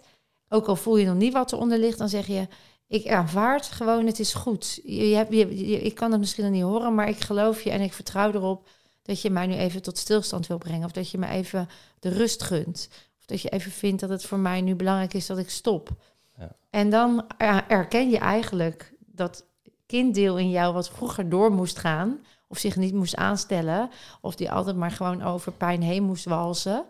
Dat zijn vaak pijnpatronen. En dan erken je dus dat deel van jou en dan zegt dat deel, ah, je hebt je les geleerd, fijn, door. Dan Ja. kun je het loslaten. Ja, ik vond het wel mooi hoe je dat, eh, hoe dat ook terugkwam hè, in je boek. Hè, met je onderrug, dat je te veel eh, hooi op je vork neemt. Hè, en, eh, dat dat uitstraalt naar je, naar je onderrug. En eh, dan was ik benieuwd hoe je dat neurologisch kunt herleiden naar bepaalde gebieden. Hè. Hmm. Klachten in je lichaam. ja, Je had hele mooie verwijzingen daarnaar. ja. Hoe kun je nou weten van, oh, eh, last van je onderrug komt omdat je het bijvoorbeeld te druk hebt? Ja. ja, elk eh, gebied in je lichaam heeft een thema. Dus net als een orgaan een functie heeft, heeft een lichaamsgebied ook een functie. En eh, anatomisch gezien, maar ook ehm, energetisch. En er zijn de belangrijkste gebieden, die zijn we ook wel onderverdeeld en dat noemen we dan chakra's. Eh, dat zijn eigenlijk trechters energetisch die voor jouw lichaam zitten, die al bedoeld zijn om bepaalde energieën die van buiten afkomen te filteren. En als die alsmaar overbelast wordt, dus je zit constant in een onveilige omgeving bijvoorbeeld, dan kan die chakra dat niet meer helemaal trechten. Dan komt er te veel binnen. En dan de onderste chakra, dat is even weer die veiligheid, want daar hadden we het over. Die gaat dan in die organen van jouw onderbuikgebied, gaat daar die, die energie naar binnen. Nou, jouw organen willen dat ook kwijt, want dat is ballast. Dus in darmen en in, bij dames dan de baarmoeder zit heel veel onderdrukte woede bijvoorbeeld. Omdat je zo angstig was en zo kwaad, maar je kon het niet uiten. En eh, als dat niet verwerkt wordt, dan eh, kan dus dat, eh, dat orgaan, die kan niet, als het ware, die ballast kwijt. En dan krijg je dus buikpijn. Ehm, en zo heeft elk gebied een eigen functie. En alle, alle organen zijn ook weer met elkaar verbonden via energetische snelwegen. Dus als er een energie binnenkomt en dat wordt nog niet gefilterd via eerst mijn aura, dan mijn chakra. Het is te veel, het geeft gewoon een lek. Dan gaat die energie, die wordt gebracht via die snelwegen naar die specifieke organen die bedoeld zijn om dat op te lossen. Een lever heeft bijvoorbeeld ook, die slaat woede op. Eh, mijn hart slaat verraad en gekwetstheid op. Mijn longen slaan verdriet op. Mijn nieren staan angst op. Nou, daar komt die, hè? Mijn doodsangst. En als ik dat dus niet verwerk, dan kunnen die organen gewoon niet echt lekker functioneren. Andersom werkt het ook. Eh, neem ik heel veel eh, voedingsstoffen tot me of alcohol, waardoor die lever dis gaat dysfunctioneren, dan zal ik ook geïrriteerder en bozer karakter krijgen. Ja. Dus zo Ja, je het. schreef inderdaad ook dat eh, bijvoorbeeld een hamburger een, eh, een lage frequentie heeft. Ja, dan een komkommer. Daar ligt er wel aan waar die komkommer weer vandaan komt. Ja, kijk, weet je, Jan, uiteindelijk kunnen we leven op lucht. Weet je, er zijn mensen die leven op lucht. Dus uiteindelijk is alles een gedachte, een idee, een overtuiging. En Ja, dat- want ik heb ook zoiets van, eh, nou ja, weet je, als we denken dat, eh, dat een hamburger gewoon eh, goed en gezond is, ja, prima. Snap je? Ja, mits, dat is wel goed dat je dat zegt, Ja. absoluut. Maar dan komen we op het stuk, net als positief denken en affirmeren. Dat is rationeel bedenken dat het werkt. Ik ga morgen naar de sportschool, hè? Ja. maar je systeem gelooft het. Ja, gelooft het nog niet. Je onbewuste bedoel je. Ja. Dus als je niet eerst de propjes uit de rietjes haalt en jezelf bevrijdt, ja, dan zal het geen, dan, dan is positief denken natuurlijk fijn, is hoge trilling. Dat beïnvloedt wel je, je dagelijkse stemming, maar de onderliggende oorzaak zal nog niet weggaan. Dus als jij een depressievere aanleg hebt, en je oh, dan ga ik elke dag zeggen, wat het zo fijn, de zon schijnt, een lievelingsdag. Hè, oh, het, oh, kijk eens, leuk, het mooi plantje hier. En je gaat alles positief benaderen, dan blijft daar vaak onderhuids toch die, alsof het een trucje is. Hè? Dat ja, dan, klopt, ja. ja, waardoor die depressie toch wel weer een keer, Ja. een depressie is ook het echt letterlijk depressive van emotions. Hè? Dus dan, dan moet hij er gewoon op, dan moet je echt helen. Ja. Je moet echt die oude herinneringen, die oude shit oplossen. ja, ik heb daar nog wel een eh, persoonlijke vraag over. Want ik heb in mijn twintiger jaren best wel een, eh, een heftige depressie gehad. En ehm, nou, dat heeft voornamelijk mee te maken dat ik heel lang daarna eh, moeilijk uit bed kwam. Ja, moeilijk wakker werd. Eh, ik heb de laatste, het laatste jaar heb ik dat enorm verbeterd. Door bijvoorbeeld het eerste uur nadat ik wakker werd of naar buiten te gaan, het zonlicht op te zoeken. Dat, eh, dat, daardoor, ja. ja, daardoor kom je makkelijker in slaap. Dat is goed voor je ritme. Mm, Of ik zet in de donkere dagen zet ik zo'n zo'n daglichtbril op. En na acht uur probeer ik over het algemeen niet meer te eten. Mm. Kleine uitzondering dagen later, als zo'n keer een eh, spannende voetbalwedstrijd is of zo, doe ik een keer een bakje chips. Mm. Moet ook niet dogmatisch worden natuurlijk, anders hou je het niet vol. Ja. Maar eh, dat heeft ervoor gezorgd dat ik eh, veel frisser wakker word in ieder geval. Ja. Alleen het laatste zetje, zeg maar echt de beslissing maken om, om, om eruit te stappen, Mm. heb ik nog steeds een soort van. Het lijkt wel een soort van koppeling naar die periode, omdat ik dat echt zo lang heb gehad. Dat het voor mij zo'n moeilijk moment is. En eh, kijk, op het moment dat je je kind hoort, ja, dan ga ik er automatisch uit. Dus dat is op zich wel fijn nu. Alleen, Als het Ik kind zit er nog niet was geweest. ja, precies. Ik zit er nog steeds een beetje mee met, met, met dat ene moment. En dan denk ik van ja, zie dat nou nog steeds, is dat nog steeds een terugkoppeling van, van die tijd dat ik, want ik word nu dus wel fris wakker, wat ik voorheen niet werd.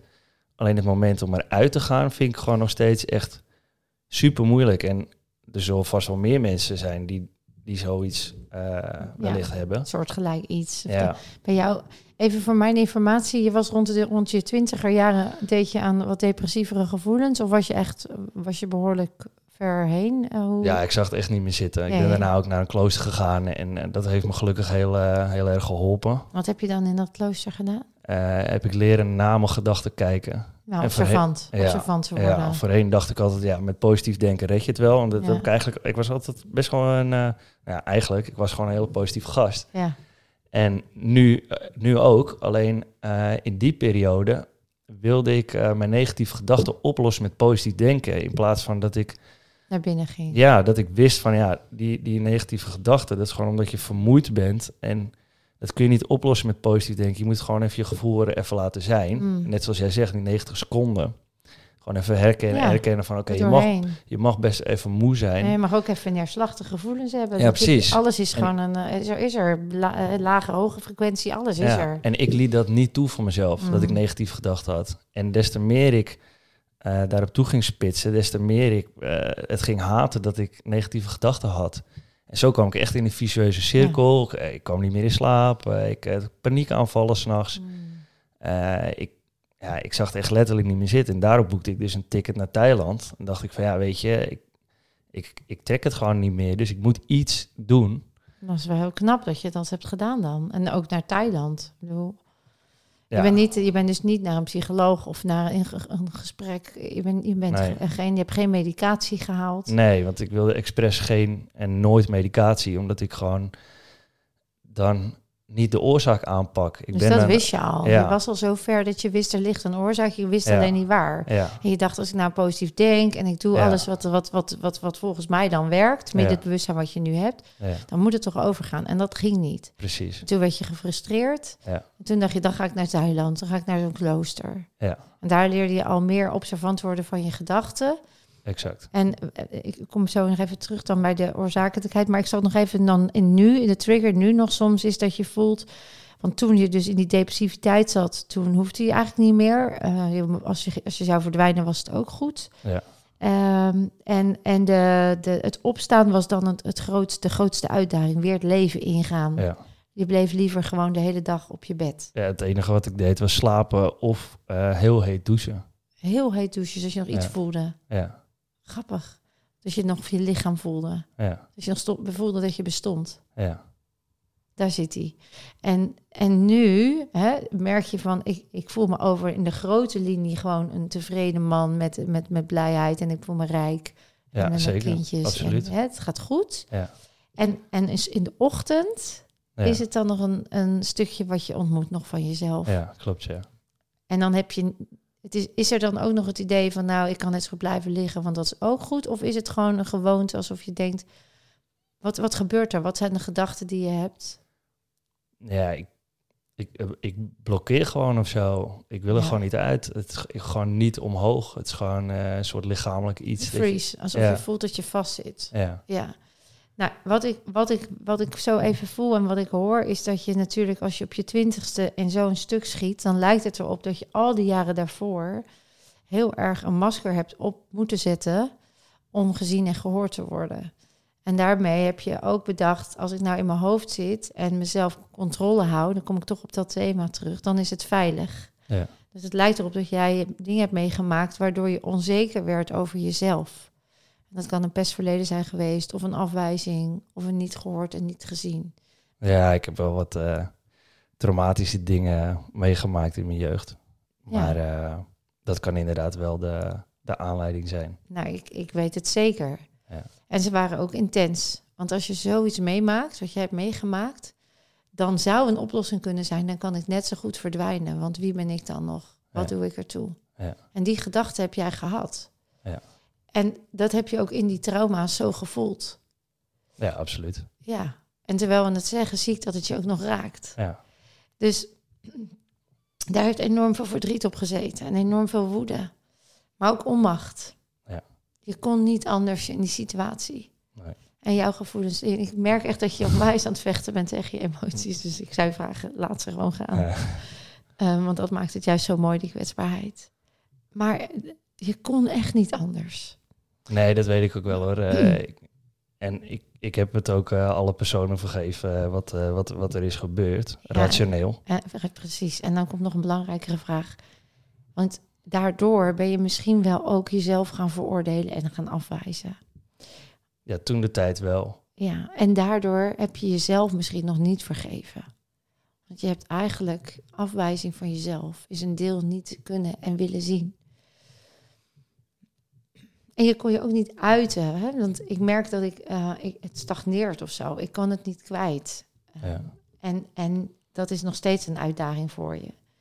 En uit op dat stuk, en dan komt ook het woord depressie tot z'n recht. Ja, dan onderdruk je zoveel. En dan hoop je maar dat als je compenseert met sterk zijn en met positieve gedachten, dat dat dan wel overgaat. Ja. Maar het was echt wel intens. Het was echt heftig wat je hebt moeten doorstaan. En die erkenning mag er nog op. Je mag echt jezelf erkennen dat je binnen je vermogen, ook al weet je dat rationeel, dat gevoel mag nog helemaal doorleefd worden wat je toen hebt gevoeld. Want daar kon het er gewoon niet zijn. Nee. En dan is het het aangaan van het leven vanuit die veiligheid is een feestje in plaats van nu een spannend moment. Dus mijn hele gevoel zegt, ga eens nog hè, terug. Zonder dat je dan weer helemaal oh, alles, want dat denken mensen dan vaak, moet heel die beerput open. Nee hoor, je hoeft alleen maar even te voelen wat je toen voelde en dat opnieuw te voelen. Ja, ik heb wel eh, zo'n EMDR-therapie gevolgd ervoor. Mhm. En daardoor, voor mijn gevoel, het wel redelijk een, eh, een plekje gegeven. Ja. En, en, en ik heb ook het idee van dat ik nu gewoon eh, een, een hartstikke leuk eh, leven heb. Mm. Maar ja, blijkbaar zit er toch ergens een, een soort van blokkade nog. Dat Nee, ik het denk mooie is op het moment dat het je raakt, zie ik je vechten hè? en dan tegen de emotie.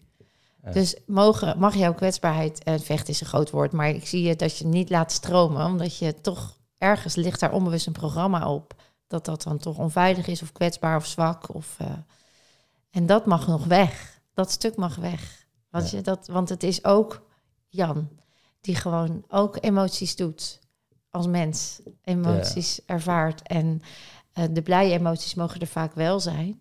Maar de pijnlijke emoties, ja. Ik had het laatst zelf nog, Jan, toen ik bij de dierenarts... Ik heb behoorlijk medisch trauma opgelopen in al die jaren. En ehm, ook al heel erg opgewerkt. En voor mijn gevoel soms ook altijd... Ik denk, maar dan komt er soms toch weer een laagje, hoor. Dat ik denk, oh, en een zo'n trigger was dus laatst... We hebben een nieuwe pup en die werd gesteriliseerd. En ik kwam dus bij de dierenarts. En ik ben zo verliefd op die pup. Het is echt zo fijn.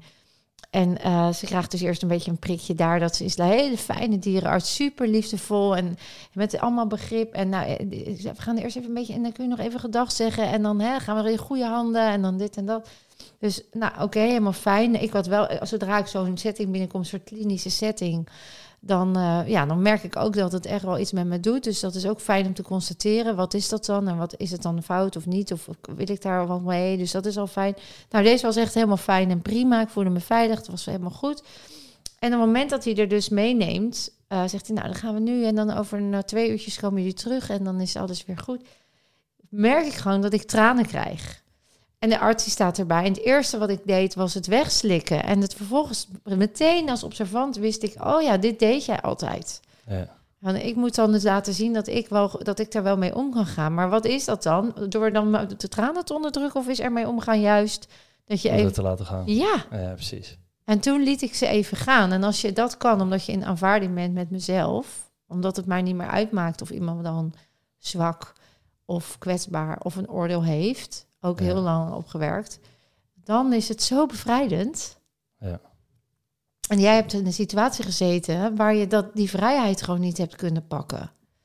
En daar uh, mag je nu, daar mag je jezelf nu in gunnen dat dat weer. En hoe kan je daar dan praktisch gezien mee omgaan? sowieso is het fijn om bewust te worden wanneer je inderdaad nog de neiging hebt, zoals ik dat bij die dierenarts had. Van, oh ja, hier ga ik dus toch, ik voel wat, maar ik doe net of ik het niet voel. Ja. En dan wil nog niet zeggen dat je het meteen wel kan voelen, maar dan weet je al, herken je het patroon al.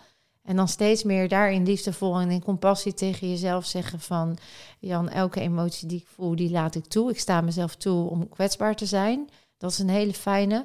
Een tweede is natuurlijk, wat ik zei, is echt, echt naar binnen gaan ga wat met die oefeningen doen ook. Er staan een paar in het boek, maar er is nood Ja, ik heb gisteren al gedaan. Oh, en? Heb jij wat gevoeld? Welke heb je gedaan? De, de, olifant? Ja, de olifant. Ja? En heeft er al iets opgeleverd? Ja, het heeft me wel wat opgeleverd, ja. Nou, wat goed. Ja. Dus je kan, weet je, dat is zo mooi wat je nu zegt. En ja, eh, door, ga door dus met wat je doet en ga wat vaker die parasympathicus activeren. Sporten is ook heel fijn, alleen het is niet voelen. Mijn man die vlucht heel erg in sporten bijvoorbeeld. En dan zegt hij ook, ja, dan heb ik daarna zo'n lekker gevoel. En dan is hij even die nare gedachten kwijt. En dan, maar ja, volgende dag komen die gedachten ja. bij spreken weer. Ja. Dus dan los je eigenlijk niks op. Ja. Dus het is instant lekker en het geeft endorfines als je wat harder traint en je voelt je even goed. Maar heb je echt doorvoeld? Heb je het echt gevoeld? Dus train in voelen. Zorg dat je iets gaat doen waardoor jij een master wordt in voelen. Ja, ja dat is inderdaad een kant die ik uh, nou, de laatste jaren wat meer aan het ontwikkelen ben. Ja. Dus uh, daar wil ik inderdaad nog wel wat groei in, uh, in maken. Maar wat ik heel knap vind bij jou is dat jij bijvoorbeeld, want vaak als er heel veel onveiligheid is en, en vanuit onzekerheid uh, wat je allemaal hebt meegemaakt, is dat heel veel mensen dan ook hun stem niet durven laten horen. Er ligt hier ook een blokkade op de keelchakra. Ja. Maar jij bent wel die podcast begonnen. Jij laat wel je stem horen. Ja. Is dat dan voor jou spannend of is dat wel Nee, het, uh, ik ben deze podcast begonnen omdat ik dus die traumatische ervaring deelde in, de, in een podcast waar ik te gast was. Ah. En dat heeft dit, uh, dat was de, de, de aanzet hiertoe. Um, omdat ik toen merkte van ja, ik vind dit, dit deel van in gesprek zijn met iemand en uh, mensen inspireren vind ik heel tof. Dus ik heb mijn verhaal toen één keer gedaan en uh, dat vond ik prima. En om het daarna weer heel groot te maken en extra aandacht te besteden. En er zijn ook mensen waar je rekening mee moet houden. Uh, heb ik er daarna niet meer zoveel aandacht aan, uh, aan besteed. En probeer ik me meer te focussen op ja, de mooie, mooie aspecten van het leven. Mm. Dus wat je aandacht geeft, groeit. Dus, ja, terwijl donker niet licht kan worden als je het niet aankijkt. Ja, dus ja, je kan het licht laten groeien. Als het donker er nog zit, blijft die aankloppen. Ja. Dus daar mag ook licht op. En het mooie is dat je dus ehm, wat je aandacht geeft, groeit. Ik vertel ook in mijn events over de kracht van taal. Ja, hoe je erover praat is bepalend. Als je het praat vanuit slachtofferschap en je herhaalt je verhaal als een waarheid en dan zit je fixed, dan zit je vast. Dan zal je het inderdaad blijven beleven. Maar als je erover praat vanuit, ik merk dat ik nu nog me daar heel verdrietig over voel. En ik geef mezelf de tijd om die ervaring een plek te geven waarbij het de, de emotie doorlopen is. Dan praat ik ook over het trauma, alleen vanuit ja. verwerking. Maar dat is dus misschien de reden dat ik er vrij, uh, vrij makkelijk uh, over kan praten, zeg maar zo. Is omdat ik het wel een plekje heb gegeven. Mm. En heb je het ook verwerkt? Ja, dat vraag ik me dus lichamelijk af. Want eh, cognitief gezien heb ik het zeker verwerkt. Wat, wat ik je ook hoorde zeggen was, want ik heb nog rekening te houden met een bepaalde mensen. Dan hoor ik een enorm loyaliteitsconflict. Ja, absoluut. Nou, dat is dus niet verwerkt. Want op het moment dat jij je nog schuldig voelt ten opzichte van anderen, terwijl jij je gewoon zo hebt gevoeld, of het nou wel of niet, het is nooit met schuld gebeurd. Mensen deden binnen hun vermogen wat ze konden. Ja. En zij zijn weer opgevoed, waardoor zij weer trauma's en weet ik het allemaal meedragen. En die krijg jij dan lekker geprojecteerd, want dan hoeven zij er niks mee. En ja, op het moment dat jij er ook niks mee doet, gaat het weer over op de volgende generatie. Dus het feit dat jij al zo bewust bent, is te gek. Het feit dat je nog loyaal voelt en daarmee de ander wil beschermen, betekent dat je jezelf minder belangrijk vindt en je eigen gevoel dus niet laat zijn ten opzichte van de rest. En daar ga je dan de mist in, zonder de mist in te gaan, want je snapt wat ik bedoel. Ja, ik snap zeker wat je bedoelt. Daarmee misken je dus jezelf. En erken je niet dat deel wat gewoon zegt, ja, misschien heb je het niet expres gedaan, ik geef je ook niet de schuld. Het heeft bij mij wel dit opgeroepen. En daarover ben ik gewoon fucking kwaad. En daarvoor had ik je wel elkaar willen slaan. En daarvoor had ik je wel, godverdomme, even helemaal de zijk in willen helpen. Maar dat is omdat ik er niet mee om kon gaan. En dus is het fijn dat ik jou even lekker verrot kan schelden. Maar uiteindelijk weet ik dat ik in vergeving mag komen. Maar die, die emotie heb je gewoon nooit geuit. Ja. En dan is het fijn dat je dat gewoon erkent bij jezelf. En daar doe je de ander niet tekort mee. Daar geef je deel terug bij de ander waar het hoort. Ja. Dan mogen zij ook verantwoordelijkheid voor gaan nemen. En als ze dat in dit leven niet kunnen, is dat ook goed. Maar het is niet van jou. Ja.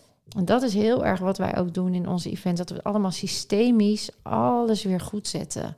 Zoveel ver, ver, ver, verklevingen en lasten die we van elkaar dragen. Terwijl je, omdat je denkt, ja, het waren ook, het waren ook mijn ouders, het waren ook mensen die ik lief vond. Of, dus ja, om dan ze nu, hè, en je leert ook bijvoorbeeld over ouders dat je met respect en ouders dan moet je altijd zo behandelen en beleefd en het zijn je opvoeders. Dus nee, ze, ze hebben het ook gewoon heel veel dingen hebben ze steken laten vallen, niet expres. Het heeft bij mij wat gedaan. Ja, ja zo probeer ik er ook naar te kijken hoor. Niet expres, weet je. Nee. Alhoewel het voor als je nog in die pijn zit, is dat soms heel moeilijk voor te stellen. Ja, klopt. ja, toch? Ja, dan, dan, absoluut. dan denk je echt, je had het toch anders kunnen doen. Absoluut. En nu zelf als vader gaat er ook een situatie in een tijd komen dat jouw kinderen op een gegeven moment gaan zeggen: Pap, weet je, had je dat niet even anders kunnen doen? Ja. En dan zeg jij ook niet: Ja, heb het lekker expres gedaan. Nee. dan zeg jij: Ja, lieverd, Jezus, helemaal niet gerealiseerd. Ja. Ik, ik, ik, ik was me niet bewust ik, heb, ik ben zo opgevoed, ik had nog pijn bij me. En, en uit, vanuit die pijn, niet bewust, heb ik dit misschien jou niet die behoefte kunnen voorzien. Ja. Ik werd getriggerd, je was mijn spiegel, maar ik durfde er nog niet in te kijken. Die momenten die ga ik ook krijgen met mijn kinderen. Weet je, hoe bewust ik ook ben, we hebben absoluut dingen ook niet gezien en niet geweten. Ik gaf mijn kindjes nog Danoontje Power. Ja, precies. Om er wat te noemen. En ik, uh, weet je, ik kan zo honderd dingen noemen waarvan ik toen dacht dat ik goed bezig was. Ja, ja, ja. En dan, natuurlijk, is het een beschadigender dan het ander. En als het emotionele schade is, is het natuurlijk nog veel intenser. Maar mijn man heeft ook, hè, die, die, die, die was alcoholist. Uh, die heeft enorm gevecht gehad in ons huwelijk met zijn alcoholisme. Natuurlijk heeft dat een effect gehad op de kinderen. En natuurlijk is er heling te doen. En als we dat in liefde doen, dan, dan gaat dat sneller. Maar als een ouder, mijn, mijn man werkt mee, hè, die, die snapt dat, die zegt ook sorry. En die, jeetje, en had ik maar. En tuurlijk, maar een, een, een vader of moeder die dat niet doen, ja, dan wordt het nog even next level. Dan mag jij echt vanuit je vergevingsgezindheid van jezelf de mensen teruggeven wat bij hun is. Je hoeft het niet goed te praten, je laat je alleen jezelf vrij. Ja. Je bent niet meer slachtoffer van dat gedrag. Dat mag je jezelf gunnen. Ja. Nou, het zijn uh, mooie woorden. Gaan we wat mee doen. Ja, toch? ja, dat denk ik ook. Dat gun ik je ook echt. Nou, dat is fijn. Ja. hey, um, ik wil nog even naar een ander dingetje uh, gaan koppelen. Ja. Er zijn mensen die ook uh, vanaf hun geboorte bijvoorbeeld al een aandoening hebben natuurlijk. Uh, zelf hoor ik bij mijn linkeroor bijvoorbeeld de helft. Maar zo zijn er tal van mensen die iets hebben vanaf de geboorte. Dat is natuurlijk niet iets wat vanuit je omgeving komt. Nee. En, en jij, jij hebt zo mooi alles omschreven dat ja, dit hoort bij dat, dat hoort bij dat. Maar hoe, hoe kan het dan dat je iets eh, anders hebt, waar, waar is dat? Zonder die ervaring of Ja, zo. Zonder die. Nee, dat heeft te maken wat ik net eigenlijk al een beetje heb verteld, is dat wij gewoon eh, energie zijn in een andere vorm. Dus dan, ja, ik geloof heel erg in de reïncarnatie. Dus dat wij, omdat ik, ja, ik, ja, ik zie gewoon alles is energie. Dus als je daarin mee kan, dan eh, ga daar dan in mee. Ehm, en dan, dan weet je ook dat energie is altijd bestaand. En ehm, ja, we zijn dus een onderdeel van een veld wat groter is dan onszelf, want alles is energie om ons heen. En daarin zijn wij gewoon eh, zielen. Als iemand overlijdt, dan eh, op het moment vlak voor het overlijden en daarna zijn mensen gewogen. En dat scheelt 21 gram. En, dat, en als, als je in de ogen kijkt, ik kijk jou nu in je ogen, dan stralen jouw ogen. Maar als je overlijdt, is die straling eruit. En dan zou je dus kunnen zeggen, dan is de ziel uit het lichaam. Hè? Dan is er geen levensenergie meer. Dan is er slechts nog de vorm. Je hebt soms ook wel eens met mensen die kanker hebben, heb ik toevallig Ja. zelf meegemaakt eh, in mijn omgeving, dat je dan een hele glazige blik Dan treft. zie je het leven eruit glijden. Uit de ogen, dat glazige. Ja, Alsof het al bijna aan de andere kant... Ja. Dat is dus die energie en die zielsenergie. Zou, laten we het gewoon even een ziel noemen, een energie. En die zit in ons. En dat zijn dus ook die, die trillingen in ons systeem. En dat, ik heb heel, ik ben heel bevoorrecht geweest dat ik een aantal eh, mensen heb mogen begeleiden bij het sterven. En eh, ze zeggen ook niet voor niks, hè, vanuit de oerrituelen van zet een raam open, maak het stervensritueel ook prachtig, zodat een ziel in vrede kan gaan. Dus iemand die plotseling overlijdt, die zal minder vredig losgaan. De ziel zal minder makkelijk overgaan of zelfs nog verkleefd blijven aan familieleden, omdat het niet kan bevatten dat het moet gaan. Dus hoe vrediger je dat kan maken, als dat lukt, ook nog als iemand wel plotseling is overleden, kan je dat nog een ritueel maken trouwens. Eh, hoe, hoe beter die ziel weer kan gaan. En met de bagage die er nog zit, zal die ziel weer naar een nieuwe vorm zoeken om daar weer te incarneren. Dus om daar weer het next level te bereiken. En ehm, dat betekent dus dat jij eh, een ziel in je systeem krijgt met allemaal ervaringen. Dat kan dus nog zijn vanuit de oorlog of vanuit de middeleeuwen. Hè, dat kan. En dan betekent het dat jij met eczeem geboren wordt, omdat je misschien ooit in de gaskamer hebt gezeten, eh, vol eh, ehm, uitslag kreeg van die gas op je huid, of verbrand, of noem het maar. En nu dat toen niet kon verwerken dat je doodging, je dacht ik zal nog wel, ik kom hier wel uit, ik vecht tegen dit, het is niet eerlijk. Eh, dus niet rustig overgaat, waarbij dus een babytje geboren kan worden met zo'n heftige eh, huidaandoening, om dat in dit leven op te lossen en aan te gaan. En soms ook als een kindje bijvoorbeeld doodgeboren wordt, heb ik gisteren een heel mooi gesprek over gehad met ehm Ellemieke Vermolen, die heeft dat meegemaakt. Een voldragen kindje wat eh, op het laatst niet meer ademhaalde. En dat, dat, dat is natuurlijk super intens. Dat dat dan, zij heeft dat, zij legt ook uit dat, want zij gelooft hier ook in. En zij zegt ook, dat was niet, het was niet de bedoeling van Josja om hier te zijn, want hij is hier nog steeds energetisch. Maar het systeem eromheen had het nodig om oude shit op te lossen. Dus Josja is een enorme leermeester geweest om voor haar een next level te komen. En dat is, vind ik zelf, een heel rustig gedachtegoed. ja. Want dan komen we in de eh, acceptatie van de vergankelijkheid. Precies de bedoeling. Hè? Boeddha wist het al. Maar dat is de grootste uitdaging, omdat wij geleerd worden: je moet altijd jong blijven, je moet botox, je, moet, eh, je mag niet doodgaan. Maar wie, wie bepaalt nou of we doodgaan? Dus als mensen niet helen bij mij, en dus over hun lijden heen gaan in dit leven, eh, dan is dat voor mij niet mislukt. Dan is het voor jou nog niet het moment. ja. Nou, niet bij mij helen, maar als mensen niet helen. Want ik bedoel, dat kan zijn dat er mensen bij mij zijn geweest die dan nog niet, of omdat ze zichzelf nog niet, eh, omdat ze te veel in hun hoofd zitten en dan niet het proces van helen onder de knie krijgen. Maar dan is dat ook wat het is, hè? Ja. Dan zijn de stappen die gezet zijn nodig geweest. En toevallig heb ik laatst een man, of niet toevallig, een man van iemand die bij mij in, uh, is meegegaan en zelf daarna mee verder is gegaan. Een vrouw met ernstige kanker. En die heeft het dus niet gehad. We hebben ook dus de verhalen die wel hier het hebben kunnen helen. Um, deze, deze mevrouw uh, kon dat niet. En zij schreef ook dat zij. Um, ze had dus zelf. Uh, hij heeft dus later, toen ze overleden was, heel veel van haar mooie verslagleggingen gelezen in haar computer. En zij heeft zich zo alleen gevoeld in dat proces, waar hij dus nu een wijs schuldgevoel van had.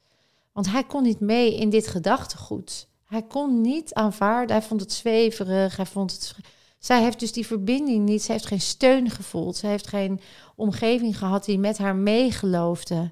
En als je in uh, de, de, wetenschap ziet de voorwaarden voor heling, onder andere in het Spontaneous Remission Project uit 1953 al, staat er ook dat het een surrounding that believes with you. Hè? Dus zoek een omgeving die samen met jou gelooft.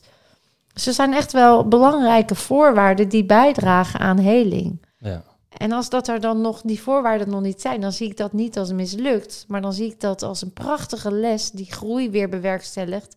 Want die man heeft mij dus gebeld en gezegd: Ja, ik merk dat ik nu eh, wat het allemaal met me doet. En hij voelt zich schuldig in de allemaal processen heen.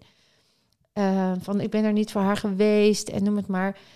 En zij wilde zo graag dat hij zou groeien. Zij wilde zo graag dat hij. En nu gaat hij. Ja. En hij is nu onwijs dankbaar. En zij lacht toe, weet je wel. Want ik voel die energieën. En ik zie haar gewoon genieten. Daar kan ze het wel. En hier kon ze het niet. Nee. Ja, ik kan daar echt heel mooi dankbaar naar kijken. Ja, ja heel mooi verhaal. Ja. Hey, hoe kunnen mensen uh, bij jou terechtkomen voor, uh, voor een mooie heling op uh, lichamelijk of mentaal welzijn? Ja, ik, we hebben eigenlijk een aantal dingen. We hebben, als je echt zegt, ik wil gewoon specifiek naar één deel van mezelf kijken en ik wil daar een, een reset op. Hè, dus het reset op het celgeheugen. Dan hebben we gewoon mensen opgeleid die, die die reset echt prachtig met jou samen kunnen doorlopen. Hij zegt, nou, ik vind ook, ik wil echt heling ondergaan. Niet op één specifiek punt, want vaak ligt heling veel complexer en is het gelaagdheid. Dan hebben we vaak als een laagdrempeligere stap een weekend. En daarin uh, ga je echt lekker van vrijdagmiddag tot zondagmiddag alleen maar helende technieken ondergaan. En leer je al een beetje hoe dat werkt. En als je zegt, nou, ik wil echt weten hoe dit werkt. En ik wil het ook kunnen toepassen in mijn dagelijks leven nadat het, uh, want dat is mijn voorkeur leer mij het zelf te doen. Uh, want anders moet je, blijf je afhankelijk weer van al die mensen die jou weer moeten resetten. En voor de lange termijn. En voor de lange termijn. En daarvoor hebben we dus een, uh, we hebben een week ga je dan mee, waarbij ook het, het, brein het echt duurzaam kan inslijten. Omdat je uit je patroon bent en dan veranderen de patronen. Maar we hebben ook een, een jaartraject, noem ik dat, waarbij, dat noemen we de basic package, waarbij je gewoon zegt, ik ga meerdere keren mee dus een week, een paar keer per twee dagen, om, om niet alleen het in te laten slijten en te ervaren, maar ik wil ook weten hoe. En ik wil het ook kunnen toepassen in mijn dagelijkse leven. En dan hebben we wat langer traject. Dus je, uh, wat voelt, als het resoneert, sowieso uh, ga eens kijken. Um, en, en ja, dat zijn gewoon hele mooie. We hebben gewoon voor ieder wat wils, zeg maar. Nou, fijn. er zijn mensen die voor de. Weet je, die, dat zou ik hebben gedaan. Daarom past dat ook heel erg bij mij. Dan, dan, toen ik eenmaal dit had er, er gehad, was het, ik wil er alles over weten. En dan duik ik er ook helemaal in. Ja. Um, en dan, dan, dan, en dan ga ik een jaar niet op vakantie. En dan, weet je, ik regel het. Ja. We hadden helemaal geen geld, maar ik regel het. En er zijn ook mensen die zeggen, nou, stapje voor stapje, comfortabel, veilig. En dat is Ja. ook oké, weet je. Dus, dus dat Ja. is er ook. Ja. Nou, fijn dat er voor ieder wat wils is. Ja, toch? Ja. Ehm, nou, zelf eh, hebben we net voor de, voor de podcast toevallig eh, elkaar gesproken. Toen zeiden we van, nou ja, we kunnen misschien wel een kortingscode ergens aan, eh, aan plakken. Ja, ik zei als mensen nou laagdrempelig willen beginnen, hebben we ook een heel mooi online programma. En dan, dan ja, we hebben er twee. De eerste is Master Your Life Online en de andere is Heel Jezelf Online. En in het eerste programma ga ik, neem ik je mee vanuit je brein. Dus echt voor mensen die wat meer in het hoofd zitten, naar je lichaam. En ondertussen ga je ontdekken waar jouw freezes dan mogelijk liggen, middels meditaties. En, en daarnaast krijg je recepten, bewegingsoefeningen. En binnen je vermogen wat je kan, eh, pak je alles op. En dan eh, kun je heerlijk in zeven lessen kun je jezelf naar binnen brengen en dan kijken wat er op te ruimen valt. Eh, dat is een heel lekkere, laagdrempelige. Ik doe het thuis op mijn eigen moment. eh, en daar heb je dan acht maanden toegang tot. Dus dan kan je echt acht maanden met jezelf die lessen blijven herhalen. En we hebben een heel jezelf online. En dat gaat meer, dat is ook wel een stukje eh, ontdekken bij jezelf. Maar echt nog meer gericht op het lichaamsbewust worden. En de relatie leggen tussen de klacht die je voelt. En de emotie die er mogelijk achter ligt. Dus dat is, je zou bijna zeggen, het Master Life online is handig als stap 1 als je nog helemaal onbekend bent op dit terrein. En dan is heel jezelf online een mooie verdieping. En ben je al wat meer bekend met eh, het fenomeen voelen en energetisch. En eh, dan is heel jezelf online al een hele mooie, prachtige stap. En dat zijn ook weer zeven lessen. Waarbij je dan ook weer acht maanden de tijd hebt om die verdiepingsslag met jezelf te maken. En iedere week, in het begin krijg je gewoon iedere week één les. En dat is niet omdat we je niet gunnen om gelijk door te gaan, maar dat is omdat we het juist zo belangrijk vinden om die contemplatie te laten plaatsvinden. Dus in één week kan het zijn dat je al in twee uur de les af hebt. Maar dat is heel rationeel. Maar heb je hem ook doorvoeld? Heb je ook echt even, ben je een laagje dieper gegaan? Dus herhaal hem nog eens en nog eens en kijk dan eens hoe het voelt. Ja. Dus de eerste zeven weken nemen we je nog even mee aan de hand in het tempo. En daarna eh, Mag je los. kun je los. ja, en we hadden dus bedacht van nou, misschien is het leuk om daar een mooie korting op te geven. Zodat ook luisteraars die bij jou en kijkers die dit horen of zien. En als het resoneert, dan gewoon hem even lekker aan de slag kunnen. Ja, tof. En, en dan hadden we als kortingscode bedacht op inspiratie. Ja, inderdaad. Dus, Dat is een mooi, hè? dus dat gaan we ook doen. En, en hoeveel het wordt, dat, dat gaan we dan even onder in de beschrijving zetten. Ja, We inderdaad. maken het aantrekkelijk. Ja, Dat doen we. dus alles valt te lezen in de beschrijving, jongens. Ja, dus we doen op de, op de twee eh, online programma's. Ja. Laten we dat doen Nou, super. bij deze. Hey, ik wil jou hartelijk bedanken voor, eh, nou ja, voor je mooie, inspirerende gesprek. Jij ook bedankt. En voor de code die je gaat geven aan de, aan Ja. de luisteraars en de korting. Graag gedaan. En jij bedankt voor je openheid. Ja, Je kwetsbaarheid was mooi. Ja, merci. Was verbindend. Yes. Zo is het. Dankjewel. Jij ook bedankt. Tof dat je mee op inspiratie was. Wil jij een inspirerende lezing, training of traject van mij voor jouw bedrijf, jouw schoolorganisatie of gewoon voor jezelf? Ga dan naar opinspiratie.nl.